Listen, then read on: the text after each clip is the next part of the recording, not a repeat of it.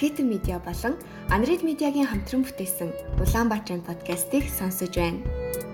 Манай подкаст нэг талаас Улаанбаатар хотын иргэн тойронд өрнөж буй үйл явдал, асуудал, энэ хотын иргэн бүр мэдүүл зохих мэдлэг мэдээллийг олгож хотынхон игэл иргэдийн түүхийг та бүхэндээ хүргэх зорилготой. Нөгөө талаас ирээдүйн хожид өнөө үеийн Улаанбаатарыг дурсах, танин мэдэх түүхийн архивыг бүтээх зорилготой 7 хоног тутмын подкаст юм. Бидний бэлтгэж буй подкаст танд нэгийг бодогдуулж, шин танилтаа өчрүүлж, тайвшрал, бодрол, эерэг дулаан мэдрэмжийг төрүүлнэ гэдэгт итгэлтэй байна. Ингээд Улаанбаатар ям подкастт тавтай морил Улаанбаатар хотод 10 цаг болж подкаст маань эхэлж байна.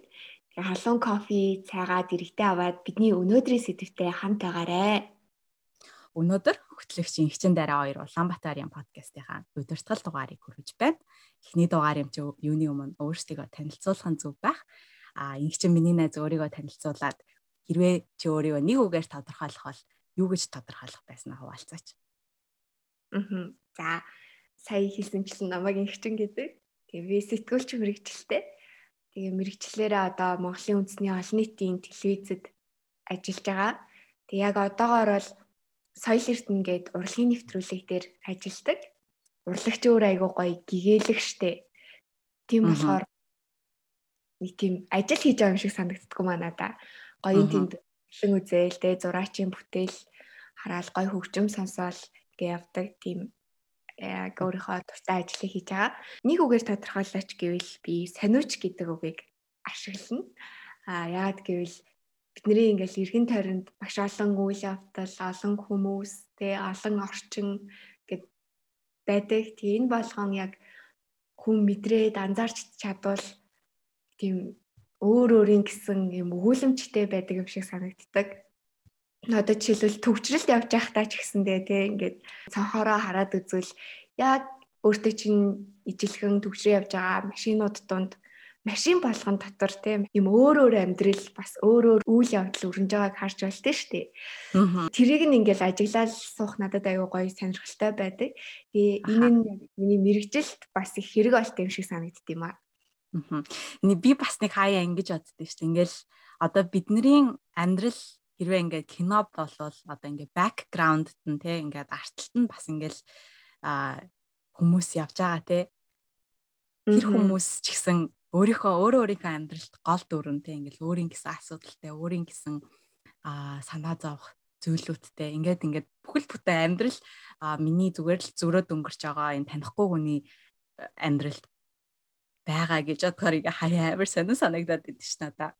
Аха. Тэгээ яг ингээд зөрж байгаа хүн болгон бас ингээд яг нэг өөр өөр цаг хугацаанд өөр өөрийнхөө одоо асуудал бэрхшээл ч гэдэг юм уу те жаргал зовлон гэдэг явж байгаа штэ. Тэр болгоно бас ингээд э, төдийлөн шууд харагдахгүй ч гэсэндээ ингээд таамаглахад тийм сонирхолтой санагддаг дээ. Ингээл годамжаар зурж байгаа гэл нэг инээдээ барьж чадаал энийг л ганцаараа явж байгаа мөртлөө тийм хүмүүстэй бид нэр зурдаг доо. Тэр тийм гоё мэдрэмж төрөл ямар гоё зүйлийн хүний амьдралд болсон бол гэдэг тийм асуултууд цаашаа хөврөөлч юм аа тий. Аха. Начиста гоё гоё харах үнцэг байна. За намайг дараа гэдэг. Тэгээд би болохоор биолог, хүрээлэн боо орчин судлал гэсэн мэрэгчлээ. А одоо болохоор олон улсын байгаль хамгаалах байгууллагад ажиллаад 2 жил гарan болж байна. Тэгээд байгаль хамгаалахын байгууллагата бас нэгэн шинэвтер талбарт нь ажилладаг гэхэд болно. Энэ нь болохоор хотын байгаль а ногоо хөгжил гэсэн энэ төсөл дээр координатораар ажилладаг. А тэгээд өөрийгөө би нэг үгээр тодорхойлвол айгуу давтаргүй гэж хэлмээр байна өөрийгөө. Тэгээд юм болгон руу нэг тийм өсчээд ч юм уу туршиж үзэх сонирхолтой. Тэгээд тэр тэр давтаргүй гэдэг зүйлээрээ бас өөрийгөө нэг тийм сүрэг зүйл гэж харддаггүй тэрийгэ. Тэгэл юмыг үзэл алдаал таалагдвал тэрийгэ барьж аваад хийдэг, таалагдахгүй бол тэгэл хайчдаг. Тэгээд юмыг барьж аваад хаягтаа амархан. Тэгээд тэрэндээ нэг санаа зовдөггүй тэг ингээл өө яана тэрийгэ хийсэнгүү гэж санаа зовхгүйгээр хайчдаг. Тим төрлийн хүн гэж өөрийгөө тодорхойлно. Аа. Ер нь тийм те одоо ингээл хийж үзсэн бол яах байсан бол гэж харамснаас зүгээр хийж үзээл алдаал.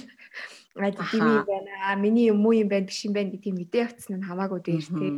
Тийм. Тэгэл ер нь амьдрал чинь айгүй баялаг юм байна гэдгийг сүүлийн хэдэн жил айгүй ойлгож байна. Биднэрт боломж нь бүгдээрээ байна. Ягаад туршиж үзэж болохгүй гэж гисэн тийм бодлоодтай болсон. Тэгээд тэрийгээ дагаад ер нь сүүлийн үед айгүй тавтаргүй болоод байгаа шүү. Аха. Ер нь бол гэтээ хоёулангийн одоо тодорхойлох нэг үг бараг л ойролцоо юм байна тий. Аа. Сонсогчид маань Storkos ерөхийн ойлголт авсан байх л та бид хоёр бас яг юуны тухай ямар подкаст хийх гээд байгаа гэдгийг тий. Ер нь бол яг Улаанбаатар яан гэд энэ подкаст тухайн 7 хоног бүр их хотод маань юу альж өнгөрсөн. За тэр 7 хоногт ямар онцлог үйл явдал, ямар сэдв тренд болсон тухай ярилцахаас гадна дугаар бүртээ нэг сэдвийг онцлон танин мэдхүй мэдээллийг хүргэх болно. Тэгээд тэр танин мэдхүү мэдээллийг баттгах үүднээс сэдвтэй холбоотой сонирхолтой зочдыг бид хоёр урьж ярилцах болно. Тэгээд аль болох тухайн сэдвийн дагуу тухайн салбарын а хийж бүтээж чимээгүй хөтөлмөрлж байгаа хотынхаа эгэл иргэдийг залуучуудыг оролцуулах бодолтой байгаа. Энэ 5 сард л их хотын гудамжны урлаг гэсэн бүлэг сэдвийг сонгож дугааруудаа бид хоёр бэлтэж байгаа гудамжны урлаг мэдээж маш өргөн хүрээний том сэдв болохоор подкастынхаа ганц үлрэлт багтах боломжгүй. Тиймээс илүү наривчлаад Улаанбаатар хотын иргэн тойронд хөгжиж байгаа хипхоп урсгалын тухай илүү дэлгэрэнгүй ярилцгаар бас бэлдэж байгаа. За 5 сартаа бит хоёр багтаагаад 4 дугаар хүргэн. Гудамжны бүжиг, граффити арт, DJ болон рэп гэсэн дугаарууд бэлдсэн байгаа. Тэгээд өнөөдөр хипхоп урсгалын тухай ерөнхийдөө товчхон мэдээлэл болгоод энэ хүү удирдгал ангиараа хүргэж байгаа. Тэгээд ингээд бит хоёрын бэлдсэн богинохон танин мэдгүй мэдээллийг хүлээн авна уу.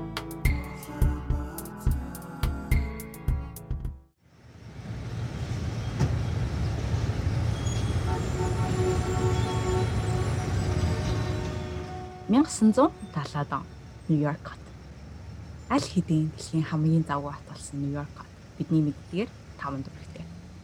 Staten Island, Brooklyn, Manhattan, Queens болон хотын хамгийн хойд зүгт нь орших Bronx хот. Bronx тухайн үед хотын хамгийн доргой дүрм байлаа. 1970-аад онд Block Party буюу байрнуудын дунд хөдөлгөөлөг бол тэр дүүрэгт 7 хоног тутмал болдог байсан. Тэр дундаа хамгийн доргой нь Африк Америкууд болон Латин Америкууд тэр найрууд дээр нар хамгийн чухал үүрэгтэй.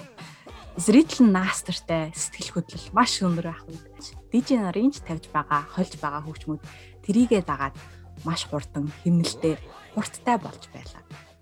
Ингээд нар битс хийдэг болж тэр бит дээр янз бүрийн соёлын шүлэглэл, өглөл орж ирснээр хипхоп урлаг үүсэж хөгжиж эхэлсэн байна.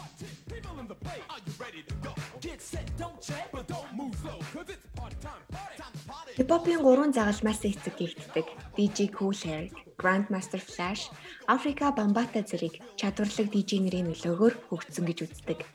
DJ нар үдшилэг зохиох үедээ бусад дуунаас бөмбөрийн дууралттай хэсгийг авч эвлүүлэн химнэл гаргаж авсан нь хипхоп урлагийн эхлэл болсон гэсэн баримт бий.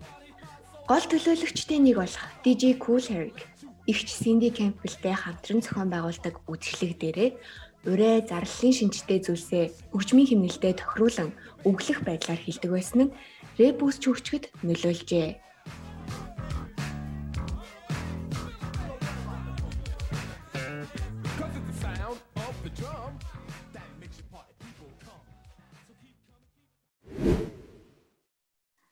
Хипхоп урлагт рэп, DJ, хипхоп бүжиг, граффити, цаашлаад хипхоп, fashion, beatbox, beatmaking гэх мэт олон төрлийн элементүүдийг нэг доор нь энэ хүү урсгал хамруулж болд юм байна.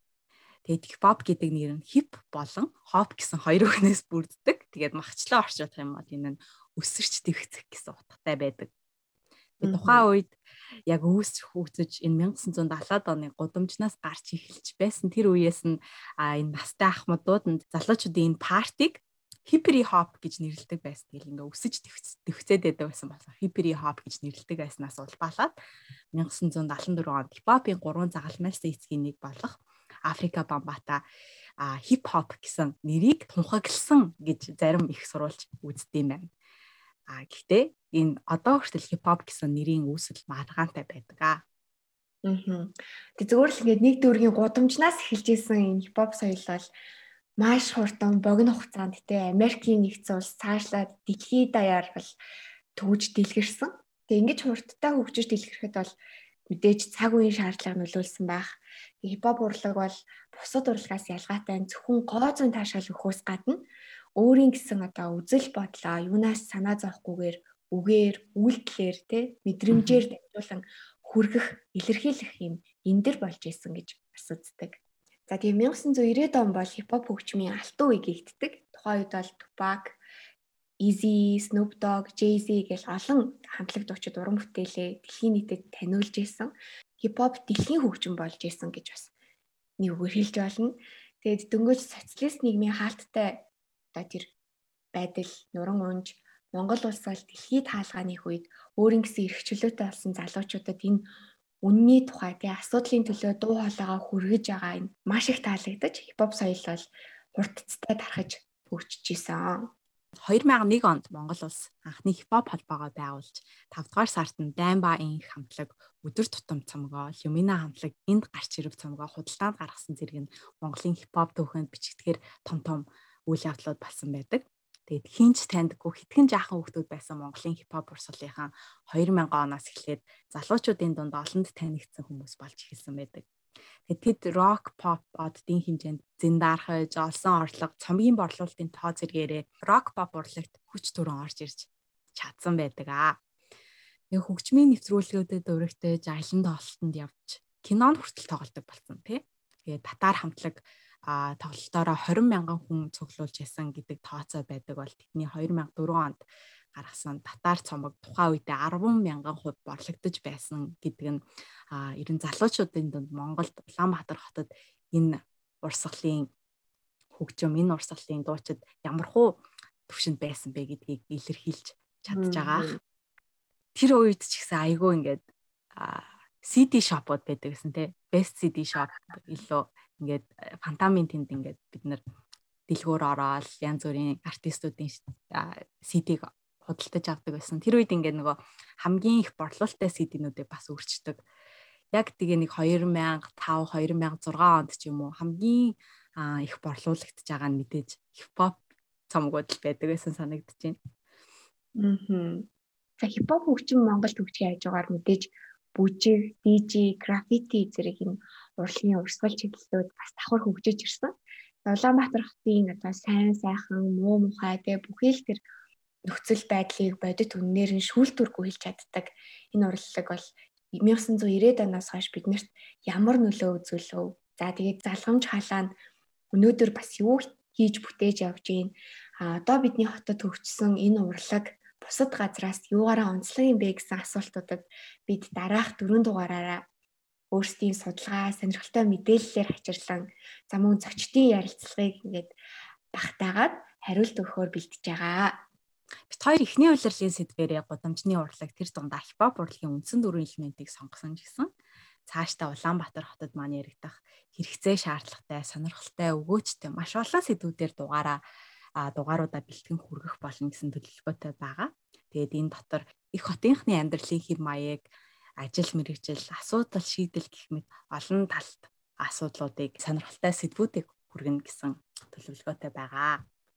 Тэгээд та бүхэн бас цаашдаа ямар сэдвийн тухай сонсомоор байгаа хүсэлтэд бид нэр үйлгээж болно. Юм бол бид хоёр тухайн сэдвийн дагуу судлаад сонирхолтой зочдтой бас уулзуулж явах болно. Тэгээд бидний подкасттай хамт байгаарай.